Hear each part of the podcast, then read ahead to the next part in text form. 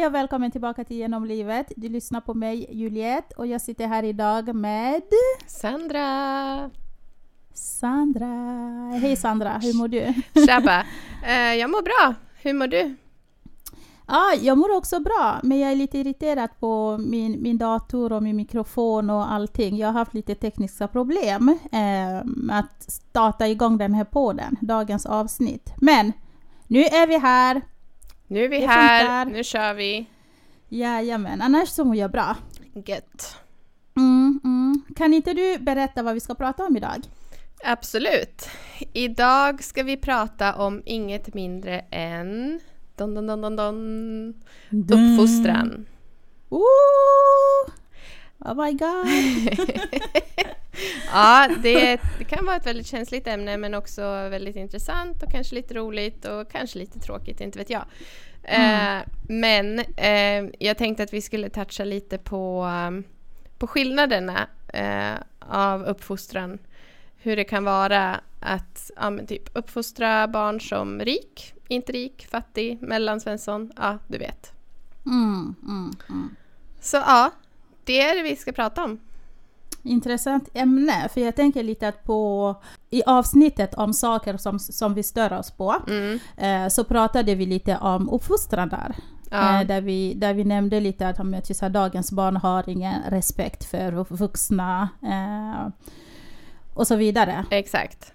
Så det blir intressant Ja. att få prata lite mer kring det. Absolut. Vi kör igång. Vi kör! Kör!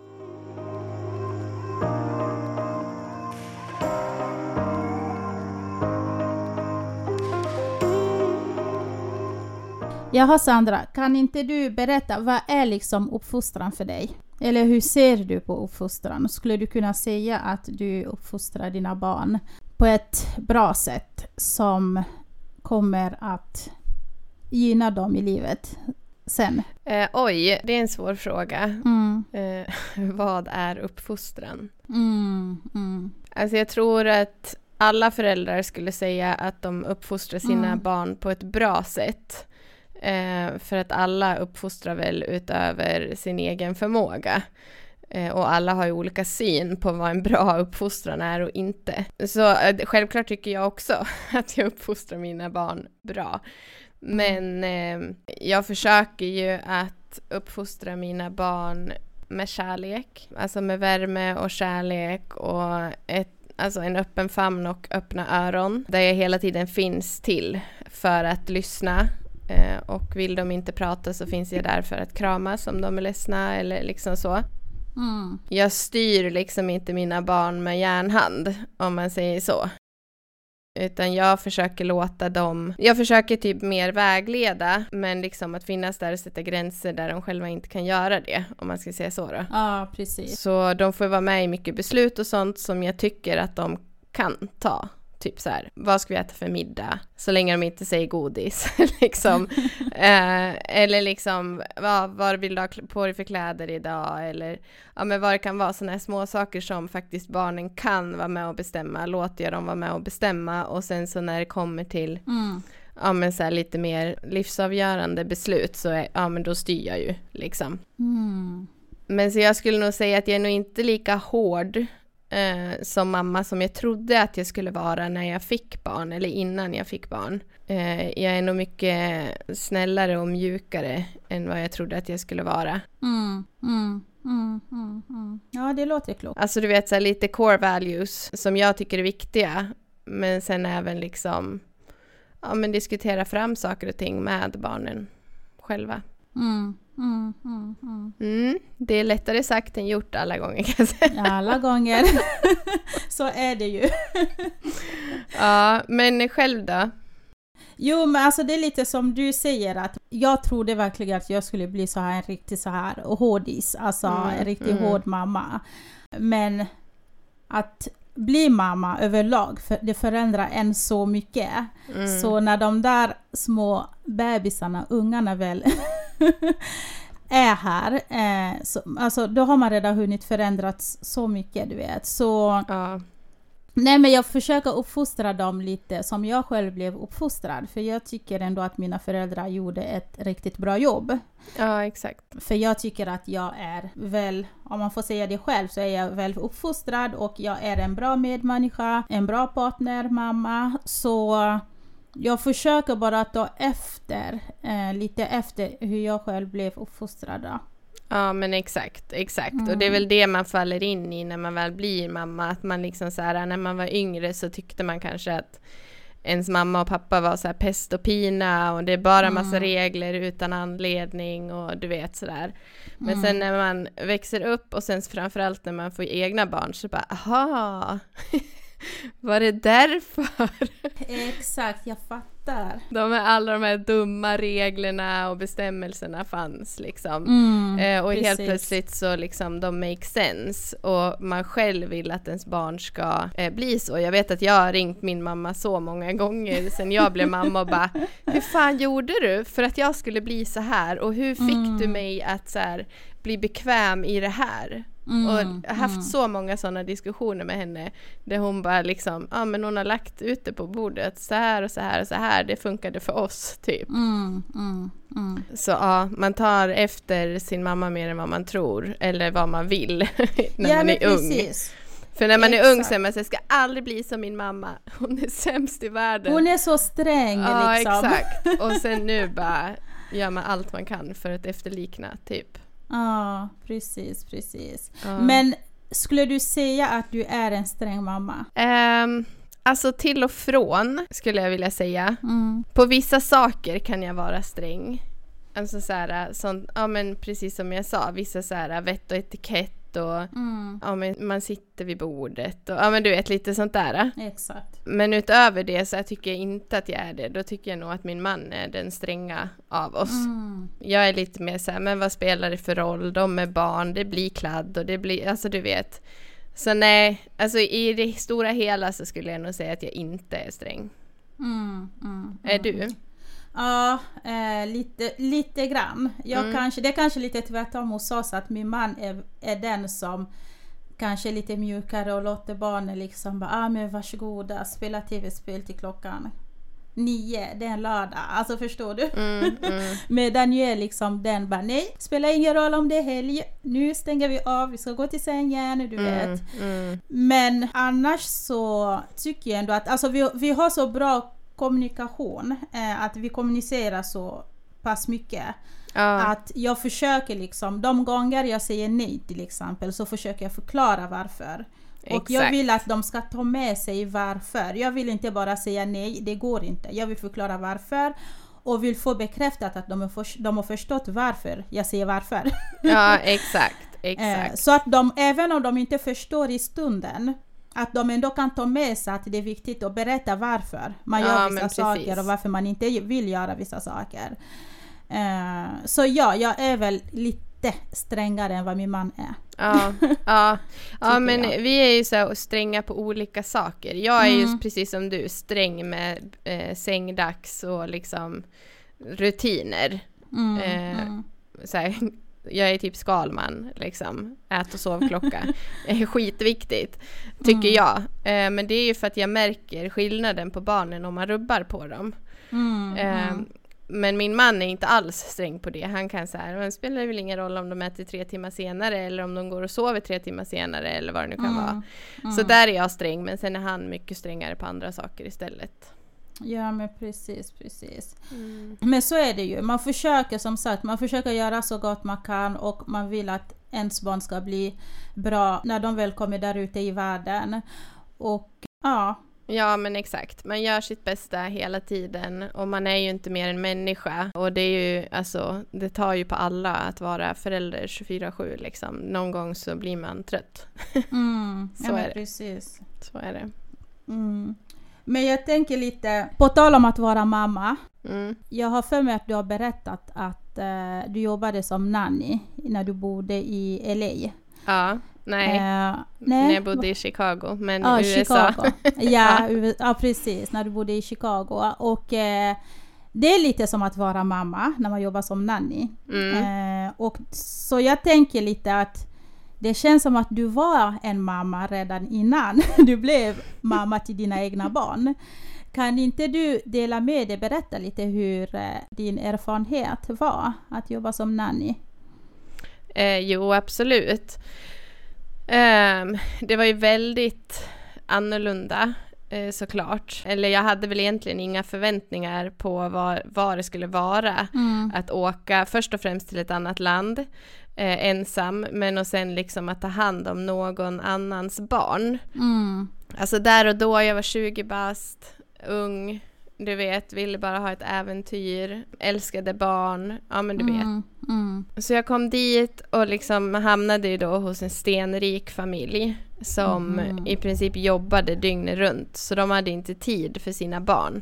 Jag hade väl kanske så förväntat mig att jag skulle komma in i en familj och bli en del av familjen. Mm. Eh, som man liksom har så här historier som man har hört att ah, jag åkte över, var au pair, blev som en stora syster och du vet man, ja men man blir en mm. del av familjen liksom. Men så var det inte riktigt för mig utan jag kom till en familj som fokade på jobb och jobb och jobb och jobb och jobb. Det var Oj. liksom bara arbete som gällde för mamman och pappan i huset. Så jag kom ju dit och blev ju liksom på en gång den vuxna i huset eller vad man ska säga. Så det vart ju att jag fick ju ta alla så här mammadelar för att mamman var ju inte hemma. Hon hade ju annat att göra. Men vad då? alltså hur ofta eller hur mycket jobbade eller hur mycket var hon hemma, eller de hemma? Alltså, eh, alltså när man jobbar som au pair så finns det ju regler och då är det så här, du ska vara ledig en dag i veckan mm. och sen en helg i månaden. Ja. Och sen så får man aldrig vara själv med barnen, alltså i över 24 timmar. Mm, mm. Eh, det är liksom reglerna. Um, så jag hade varje söndag hade jag ledigt liksom, eller det var tänkt att jag skulle ha ledigt och typ så här, mm. hänga med kompisar och ja, vad man nu kunde göra. Um, så då brukade de ju ta barnen, men det de gjorde var ju liksom så här, ja men eh, pappan tog med dem till gymmet där det fanns så barnpassning och så tränade han i några timmar och sen så när han kom hem så tog de ut dem typ i en park och så satt de bara och tittade på medan barnen lekte. Uh, och det var det de var hemma. Sen så här måndag till till lördag kväll så åkte de innan eh, barnen hade vaknat på morgonen och de kom hem efter att barnen hade somnat. Och många gånger så var de även borta typ så här veckovis i sträck. Liksom. Så jag var ensam i huset med barnen i en vecka typ. Vilket var sjukt mycket emot reglerna. Oj. Eh, ja, men så, ja, men jag tyckte att det var kul liksom. Jag och barnen kom jättebra överens, vi hade en jättebra relation och liksom det var inga konstigheter så för min del. Men det fick mig, det gav mig väldigt mycket perspektiv, även om jag bara var 20 år. Mm.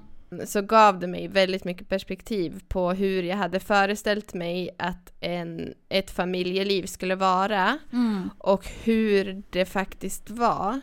Och anledningen till att det var så som det var där var ju för att de hade så sjukt mycket pengar. De betalade ju för mm. allt. Det var så här, ja men eh, vi har inte tid eller lust eller vad det nu kan vara att vara hemma med våra barn. Så vi betalar för en nanny. Men, mm -hmm. Så när de väl var lediga och skulle ha barnen så valde de att liksom att gå till gymmet och lämna barnen och gymma yeah. och plocka upp barnen sen. Så jag hör lite som att de aldrig var ensamma med barnen nej. mer än 24 timmar. Nej, aldrig. Alltså nej, aldrig, aldrig. Och sen så var det ju typ så här vissa söndagar så kom det upp saker så då fick jag jobba ändå. Liksom. Eh, eller typ så här, ah, vi tänkte åka och handla, kan inte du, eh, ska du vara hemma så kan vi lämna barnen hemma liksom. Mm. Så att, eh, ja, nej men det gav mig lite så perspektiv just på att, va, alltså att ha så mycket pengar så mm. att man kan bara så här leja bort allting. Du vet de hade städerska, de hade mig, de hade tutors eh, till barnen för skolan, de hade eh, alltså så här, psykologer och fysiska terapeuter och du vet det var så mycket folk som kom och gick i det här huset eh, för de här barnen. Men aldrig liksom mamma och pappa. Uh, hur många barn var det? Två. Ah. Men så det, det gjorde mig liksom skitförbannad rent ut sagt för att Mm. jag tyckte så här, men varför skaffar man barn om man inte vill ha dem? Typ. Mm, mm, Eh, och sen så kunde jag få så här order att eh, ja men det är det här och det här och det här som gäller. mm. Ja okej absolut. Och så körde jag stenhårt på det och liksom försökte mitt bästa där under ett år som jag var där att liksom så här ja men ge barnen någon typ av value och liksom eh, Mm. lite regler och liksom försöka lära dem saker och ting. Och så kunde det, ja kom de hem, mamma och pappa så här en helg och så bara sket de fullständigt i de här reglerna som de har satt upp att jag ska sätta upp.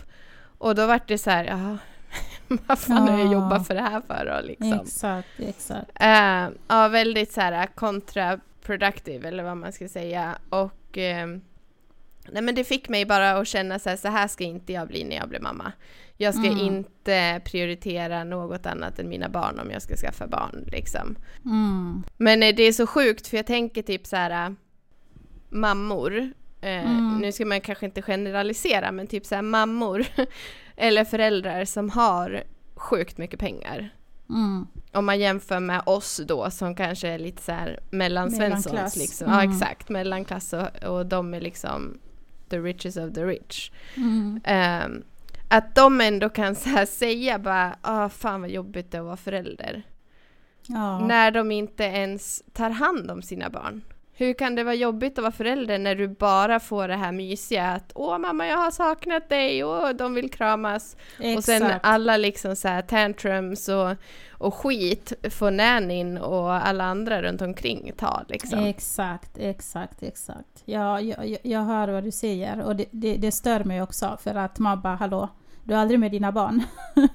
Även fast jag tror, alltså jag tror också att det kan ha med att göra att de, jag, jag vet inte, de kanske tänker att ah, men jag jobbar så mycket, jag jobbar hårt för barnens framtid, för barnens skull. Men när barnen väl växer och kommer ha det där tomrummet, du vet, Mm, att mamma och pappa aldrig fanns där så spelar pengarna ingen roll. exakt, exakt. Förstår du? Ja, Så all energi och all tid de lägger på att liksom bli framgångsrika för barnens skull. Om kärleken inte finns där så spelar de där pengarna ingen roll. Nej men och sen tänker jag också så här, alltså det här var ju USA och USA är ju väldigt så här karriärdrivet.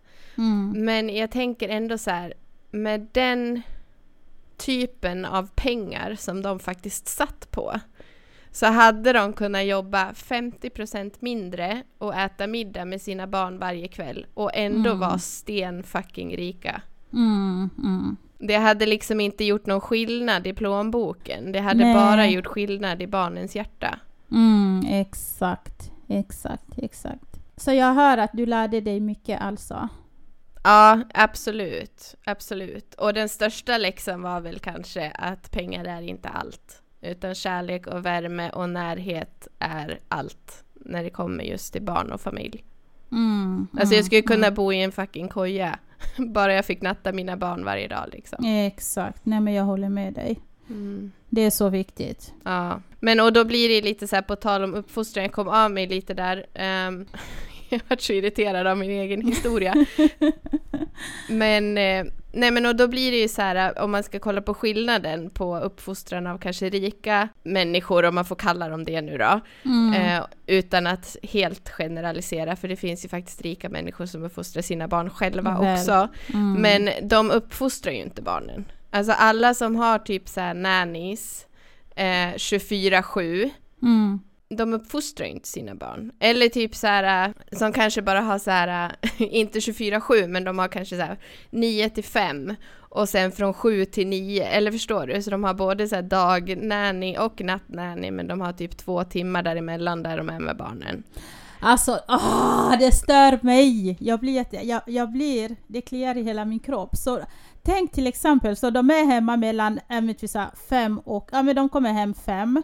Mm. Och, och då går, då går liksom dagnannyn hem och sen kommer så här vid klockan, ja men till så här sex. Mm, exakt. Då, och fixar middag till dem, äter, nattar barnen Och sen går, går liksom... Alltså det känns som att enda stunden som de är med barnet det är typ när de ska äta middag. Ja, exakt. För resten sköter nanny sen liksom. Ja, men alltså jag har en, eh, en kompis eh, som också bor i USA.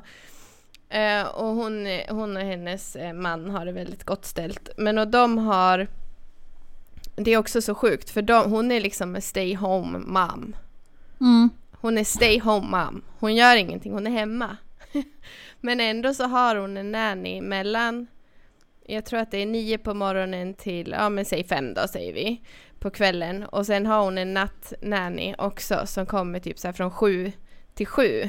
Som sover i barnens eh, sängkammare. Så Mm. hon behöver liksom aldrig gå upp på natten om något barn gråter. Hon behöver aldrig liksom gå upp och mata för hon typ pumpar ut eller ger flaska.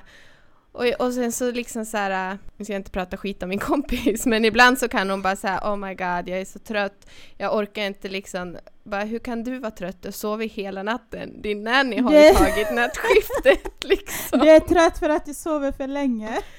Ja men alltså det är, så, det är liksom ett helt annat liv, det går liksom Mm. inte ens att jämföra. Alltså hur, hur olika världarna är. Allt på grund av att man har pengar så man kan liksom leja bort det här tråkiga, eller tråkiga. Mm. Jag älskar ju nattimmarna med mina barn, jag tycker det är asmysigt att liksom gå upp, speciellt när de var bebisar, Mm, det är det bästa jag vet liksom. och gå upp och vagga och försöka natta om. Och, Ja, men ja, alla är vi olika, alla kanske inte tycker att det är så jävla glammigt. nej. Men, eh, nej men det blir ju liksom så här, det är inte du som uppfostrar dina barn då. Nej men precis, det blir ju inte du. Nej.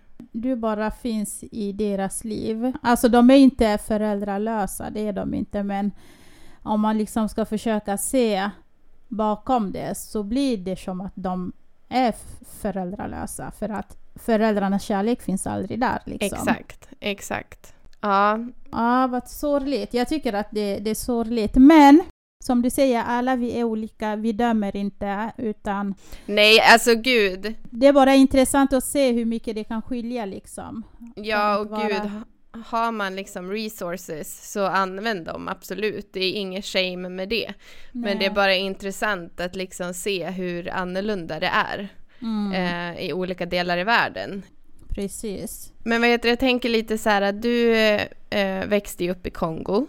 Mm. Skulle du säga att du har upplevt eh, en skillnad, eller liksom, ja men en skillnad på hur man uppfostrar barn i Sverige jämfört med hur man uppfostrar barn i Kongo? Jo, men alltså skillnad finns ju. Jag var ju typ så här 11 när jag flyttade därifrån, så jag skulle inte säga att jag vet så mycket så. Men jag tycker själv, jag kan bara tala om utifrån min egen erfarenhet, att man såg ganska tydlig liksom skillnaden när man flyttade till Sverige, hur, hur barn här var uppfostrad jämfört med liksom hur jag själv var uppfostrad till exempel i skolan. Det var liksom den miljö som jag kunde liksom se skillnaden ganska tydlig så. Att man Okej. såg liksom att vissa elever var verkligen så här respektlösa. Mm, Hade ingen respekt för vuxna, gjorde inte som man sa till dem att göra, skrek, sa fula ord. Och jag var helt bara, eh, jag minns första, först, hela första året, jag var typ så varje dag i chock. För att man såg liksom hur barn, hur elever var mot lärarna. Men eh, skulle du säga att det var det som var största skillnaden? Typ beteendet? Beteendet, precis. Att det är att res, alltså barn har inte respekt för vuxna på samma sätt som där jag kommer ifrån, förstår du? Ja, Där jag kommer ifrån, vi ser liksom varje vuxen som en morbror eller en farbror, förstår du? Man har respekt. ja, Man kallar inte liksom... En, min pappas kompis kan jag inte bara kalla för Viktor eller för eh, Fredrik. Förstår du? Jag ser liksom morbror, farbror, skitsamma om vi inte är släkt eller så. ja. Eh, det är bara för respektens skull. Att man ska visa vuxna respekt. Sen förstår jag också och vet att man måste förtjäna respekten. Ehm, men det är bara så här att sättet hur man uppfostrar barn, det är, på, det, det, det är inte riktigt på samma sätt. Det känns som att man är mer... eh, Ja, jag vet inte. Men är det hårdare, skulle du säga, hårdare uppfostran i Kongo än vad det är i Sverige då? Jag skulle inte säga att det är hårdare uppfostran i Kongo. Jag skulle mer säga så här att jag tror att i Kongo, eller i många länder runt om i världen, att du vet, det finns det här, man brukar säga så här att det krävs en hel byn för att uppfostra ett barn, förstår du? Ja, exakt. Eh, och det känns inte som att det är samma sätt här i Sverige. Nej. En granne skulle kunna liksom komma och, och säga till mitt barn, hej, man gör inte så där. Eh, och mitt barn skulle ta in, förstår du? Ja. I Kongo. Men kommer man och säger det här i Sverige, bara hej, gör inte så här mot Kalle. Alltså, det barnet skulle lätt stå där och börja skrika och säga fula ord till stackars grannen. Ja, exakt. Förstår du? Exakt. Förstår du ja. hur, hur, lite hur jag tänker? Ja, men absolut. Alltså i Sverige är det lite så här, äh, alltså man är enstörning. Man sköter sin, sin lilla kärnfamilj. Eh, och det är det liksom. Allting utanför, det är liksom typ, inte orelevant, men det är liksom Ja men det spelar inte så stor roll vad grannen säger för det var inte mamma. Du är inte min mamma, du är inte min pappa. Alltså så Exakt. säger ju eh, barn. Eh, men för det upplever jag också typ så här i USA. Eh, jag har ju pratat mycket barnuppfostran med min man såklart, både innan Mm. och efter vi skaffade barn och eh, jämfört min uppfostran med hans uppfostran. Eh, och det är ju liksom dag och natt. Mm. Eh, och där är det också mycket så här, mycket så här politeness. Alltså man Mm. säger sir och man säger ma'am. Exakt. Och det är också så här, it takes a village. Alltså det är så här Mm. mostrar och fastrar och kompisar och grannar och alla liksom i hela Mm. community Mm. som uppfostrar din unge. Du kan liksom inte komma undan någonstans utan det är Mm. bara så här alla vuxna är liksom yes ma'am, yes sir, no ma'am, no sir. Exakt. Ehm, så det är annorlunda. Det är annorlunda. Mm. Ja. Det är det. ja, det är svårt med uppfostran. Det är svårt och det är lite som vi har pratat om tidigare att okej, så som jag uppfostrar mitt barn, det är upp till mig, det är mitt problem, det är mina barn. Eh, bara för att du uppfostrar dina barn på ett visst sätt så betyder det inte att jag måste uppfostra mina barn också på samma sätt. Exakt. Men det jag vill att man ska i så fall göra, alltså skitsamma hur du uppfostrar dina barn, men uppfostra dem bara så att de först och främst har liksom självrespekt. För har man Exakt. självrespekt så kommer man kunna respektera andra utanför hemmet. Exakt. Och det är, det, det är där jag tror att det är lite lack här i Sverige, att barnen har inte den respekten. Nej. För att om du har om du har, res- alltså om du har självrespekt, respekten kommer hemifrån. Det är skitsvårt att gå ut utanför hemmet och vara respektlös. Ja, exakt. Det är det. exakt. Exakt. Exakt. Så det är, liksom, det är lite den lite de, den delen som jag, jag än idag, liksom, jag har ändå bott i Sverige över 20 år. Eh, Mm. man, man ser inte förändring. Det, det känns som att det blir bara värre och värre, alltså sämre Ja. och sämre. Eh, när det gäller respekten. att Ibland man undrar här, vad gör föräldrarna hemma? Mm. Eh, gör de inte sitt jobb? Men Nej. Sen vet man också att varje barn är olika. Eh, man gör så gott man kan och sen kommer man ut, kommer de ut så är de liksom en helt annan person när de kommer ut. Ja. Ja, för att men de blir precis. påverkade av kompisar och sånt. Men jag tycker att det är någonting i alla fall man ska försöka ge sitt barn så gott man kan. Ja, men precis. Och jag tänker mycket på det här också att alltså, alla, alla föräldrar vill ju att ens barn ska lyckas i livet och bli en bra medmänniska och så. Jag tror inte att någon förälder som bara, nu ska jag fucka upp mitt barn så, här, så den Mm. blir riktigt jävlig liksom. Mm. Men jag tänker också mycket på det här att, ja men om du vill att ditt barn ska vara på ett visst sätt, Mm. Typ till exempel om du vill att ditt barn ska behandla alla bra eh, men ändå kunna stå upp för sig själv så måste man ju själv leda med det exemplet att man behandlar alla väl Tack. men Tack. man står upp för sig själv. Till exempel att man måste bli den människan som man vill att ens barn ska bli för att Tack. de ser vad du gör, de Mm. gör vad du gör, de gör inte vad du säger. Ja, ja, ja, ja, ja, ja. Eh, och det är så viktigt och det är så lätt att glömma bort när man är trött och man är sliten om man liksom bara kanske inte orkar vara mamma eller pappa hundratusen procent just idag. Mm. Eh, och då är det så lätt att glömma bort den där delen att det spelar ingen roll vad jag säger, om jag gör någonting annat så kommer de ändå göra så. Mm, mm, mm.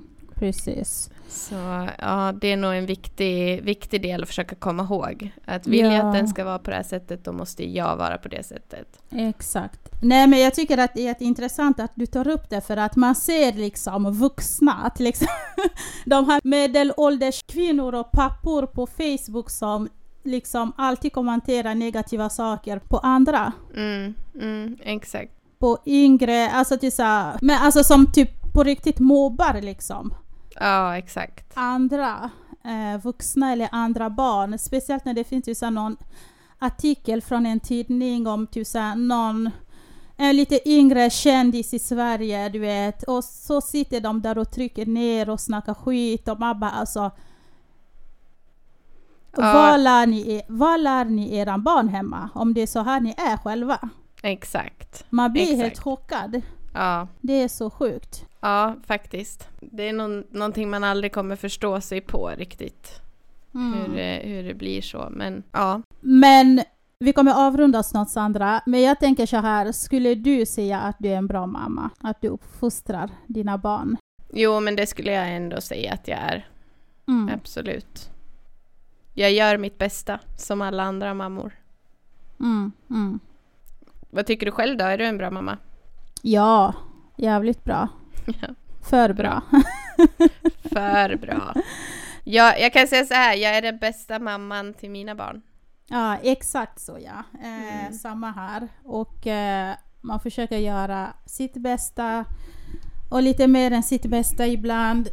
För att ja, man vill ju sina barn väl, som sagt. Exakt. Så på tal om att vara en bra mamma och eh, ja, men kanske typ så läxa upp andra mammor. Ja, Jag har faktiskt en släkting som försökte läxa upp mig på hur jag skulle uppfostra mitt barn. okej. Mm. Det här var så sjukt. Det var en kväll. Eh, jag hade den här släktingen på besök hos mig och eh, mitt barn, ett av mina barn var trött och eh, tänk att jag sitter liksom så här mitt emot med den här personen. Ja, Så mitt barn sitter på mina knän och har liksom sina fötter på den här släktingens eh, lår, eller ja, du vet, lite så. mhm. Och då blir för, mitt barn var jättetrött och ville bara kramas och gosa och han tyckte väl att jag inte skulle sitta där och prata med den där släktingen utan ha tid med honom, vilket han har, han, alltså han har ju rätt. ja, Eh, så han var lite så här trött, tog upp ens, ens fot och la på den där släktingens lår, du vet, lite här bara för att, du vet. ja. Och då blir den där släktingen jättearg. på, på, ja, på mitt barn bara Ah, vad gör du? Du lägger inte dina fötter på mig sådär. Det är respektlöst, du vet. Börjar dra hela den där.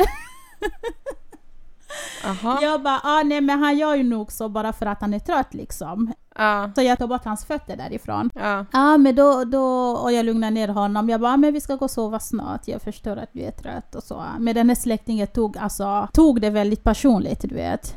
Jaha. Och eh, efter ett par sekunder, och hon bara, ah, eh, jag har en sån här, alltså du kom, det här är det sjukaste jag har hört. Jag har en bok hemma om uppfostran. Va? Ja, alltså den här personen säger det till mig. Jag har en bok hemma hos mig om uppfostran så jag skulle kunna skicka det till dig. Jag bara, vad handlar boken om sa du? Hon bara, jo men så det är om uppfostran, man kan liksom se barnens utveckling till så ålder för ålder, hur de kommer, ungefär man kan, vad man kan förvänta sig liksom.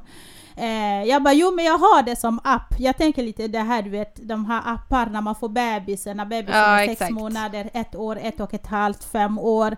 Hur de kan liksom bete sig, du vet. Ja, Jag var såhär, nej jag behöver inte, sånt, sånt har, det finns överallt liksom på, på nätet. Men alltså, personen menade verkligen en bok på hur man uppfostrar ett barn som jag skulle få. Och jag fattade det, det är därför jag var såhär, nej jag har nog en sån app, du vet. Jag ville bara liksom avsluta konversationen. Men det är det sjukaste jag har hört. för att han la upp fötterna på hennes ben. ja! Och det alltså var inte så... ens på bordet framför henne utan på Nej. hennes ben. Nej, och vi snackar om ett barn under fem år. Som är ett barn som är trött och vill bara vara med sin mamma liksom. Herregud. Alltså du vet, jag kokade, så jag var så här. Jag ska inte svara. Låt mig bara spela dum och säga att jag har en app. Och den har jag haft ända sedan ungen föddes. Du skulle ha sagt så här, ja jättebra, gå hem och hämta den, gå nu på en gång. Jag kom inte tillbaka. Exakt. Ja, nej. Nej, Det fy var fan. Tänk om Ja. någon skulle komma till dig och bara hej, här är en bok hur du uppfostrar dina barn. Ja. Men alltså jag tycker nästan lite synd om den här personens barn för att det betyder att hon har en sån bok hemma hos sig för att uppfostra sina barn efter en bok. Mm, mm. Det är nästan sorgligt. Men och det kan man ju inte riktigt göra för att alla barn Nej. är ju olika. Alltså det kan vara jättebra att ha så här uh, guidelines, typ att ja men nu när de är ett och ett halvt då kommer de gå igenom typ den här separationsångesten och det Mm. kanske är därför den är lite gnällig eller därför så var lite närmare. Alltså så att man vet de här olika stadierna eh, i åldrarna, så, alltså utvecklingsfaserna. Exakt. Men det har ju inte liksom Det är ju mer för att hjälpa Hjälpa liksom så att man vet vad är det de går igenom när de själva inte kan förklara. Det har ju ingenting med, man kan ju liksom inte skriva en bok om hur du uppfostrar ett barn. Det går ju inte för att alla Nej. barn är ju inte Det är ju som så här, ja så här vässar du en penna. Ja alla pennor är likadana så det är ju jättelätt att göra. Du kan ju Exakt. inte göra, du kan inte uppfostra alla barn på samma sätt, det går inte. Nej, nej. Så det är det sjukaste jag, jag har fått som kommentar när det gäller min, min, min uppfostran. uppfostran. Ja herregud. Ja. Mm. Ja. Men men. Men men, alla får uppfostra bäst de vill. Eh, så länge man gör sitt bästa tycker jag. Ja, precis. Och lära barnen liksom att respekt är viktigt. Dels för dig själv. Och har du respekt för dig själv så kommer det så kommer du även visa det mot andra liksom. Ja men exakt. Mm. Och ge kärlek. Exakt, exakt. Man kan aldrig få för mycket kärlek. Det är det viktigaste. Kärlek och respekt. Yes, åt alla håll och kanter. Jajamän. Ja, gud. Jag känner att jag hade lite aggressioner som kom ut idag när jag pratade om eh, min erfarenhet i Chicago. Eller ja, exakt. Eller mina Mm. upplevelser i Chicago. Men ja, så kan det vara. Det var lärorikt för mig. Mm, mm, Har gjort mig till en bättre mamma idag kan jag säga. mm, mm. Men det är bra. Det är därför jag tycker också att det är viktigt i livet att få göra mycket. Alltså förstår du? Exakt. Utsätta sig för olika situationer. Exakt, exakt. Innan Mm. man liksom bestämmer sig för vissa stora beslut i livet. Exakt. Eh, ut och res, träffa folk. Ehm, man lär sig mycket. Ja, man gör det faktiskt. Mm. Men jag läste en, eh, eh, på tal om det, så läste jag en jättebra så här meme innan Mm. idag. Och då stod det så här eh, ehm, Heal yourself before having children so your child don't have to heal from you as a parent. Mm. Och det är så sant. Alltså så här, både att man ska typ ha gjort det man vill innan man blir förälder så att man Mm. inte känner det här behovet eller typ resentment att jag hann aldrig göra för att jag skaffar barn. Typ. Mm, Men också mm. typ att man inte har massa gamla sår eller liksom ohanterade issues Mm, inom mm. sig som man sen då tar ut på sitt barn för att man inte kan hantera det. Exakt. Eh, utan att man så här, ja men man försöker hitta sig själv innan man går in i att man ska ta hand om ett, ett annat liv liksom. Jag tyckte det var så bra. Jo, faktiskt. Jättebra.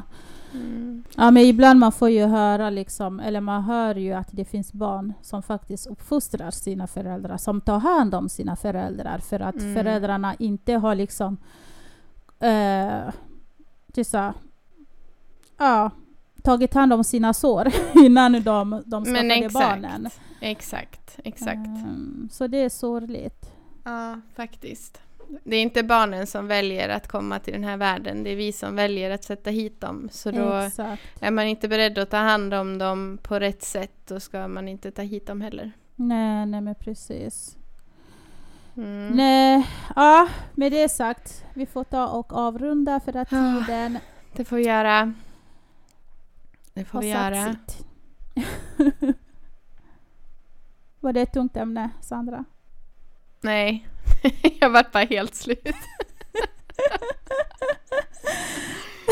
Det tog all min energi.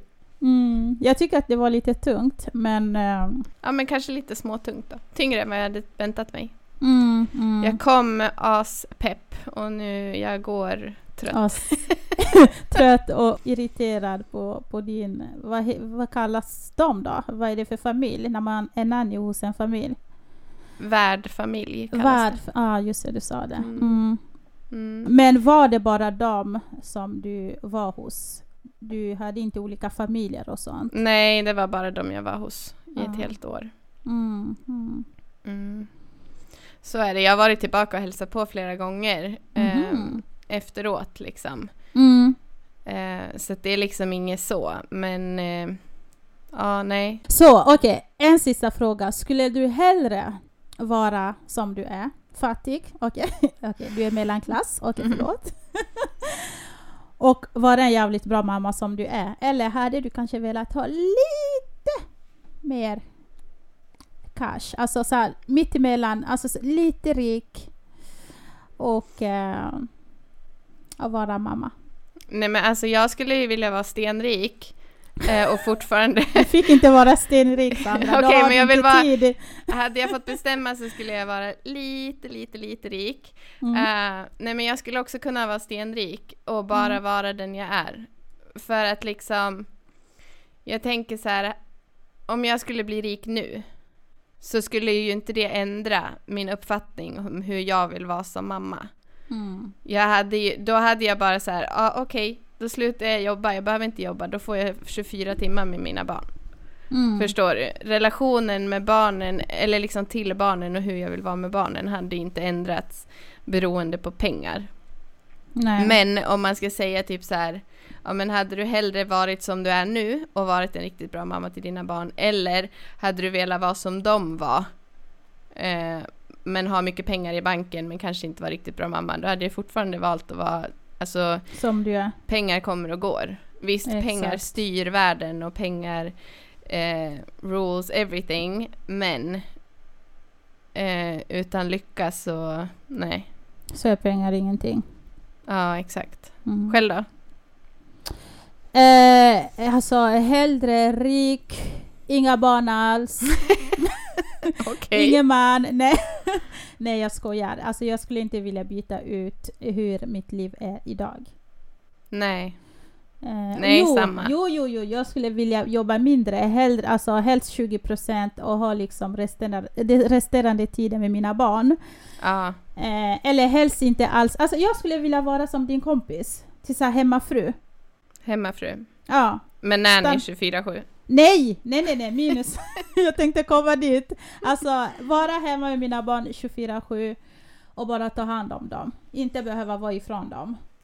Nej, exakt. Men vissa av oss måste jobba. Ja. Än så länge. Ja, precis. Så är det. Ja, men du, tack för idag. Tack för idag. Slut för idag. Vi hörs nästa vecka, ni som har lyssnat idag. Det gör vi. Ta hand om er. Ha det bra. Ciao. Hej då. Hej då.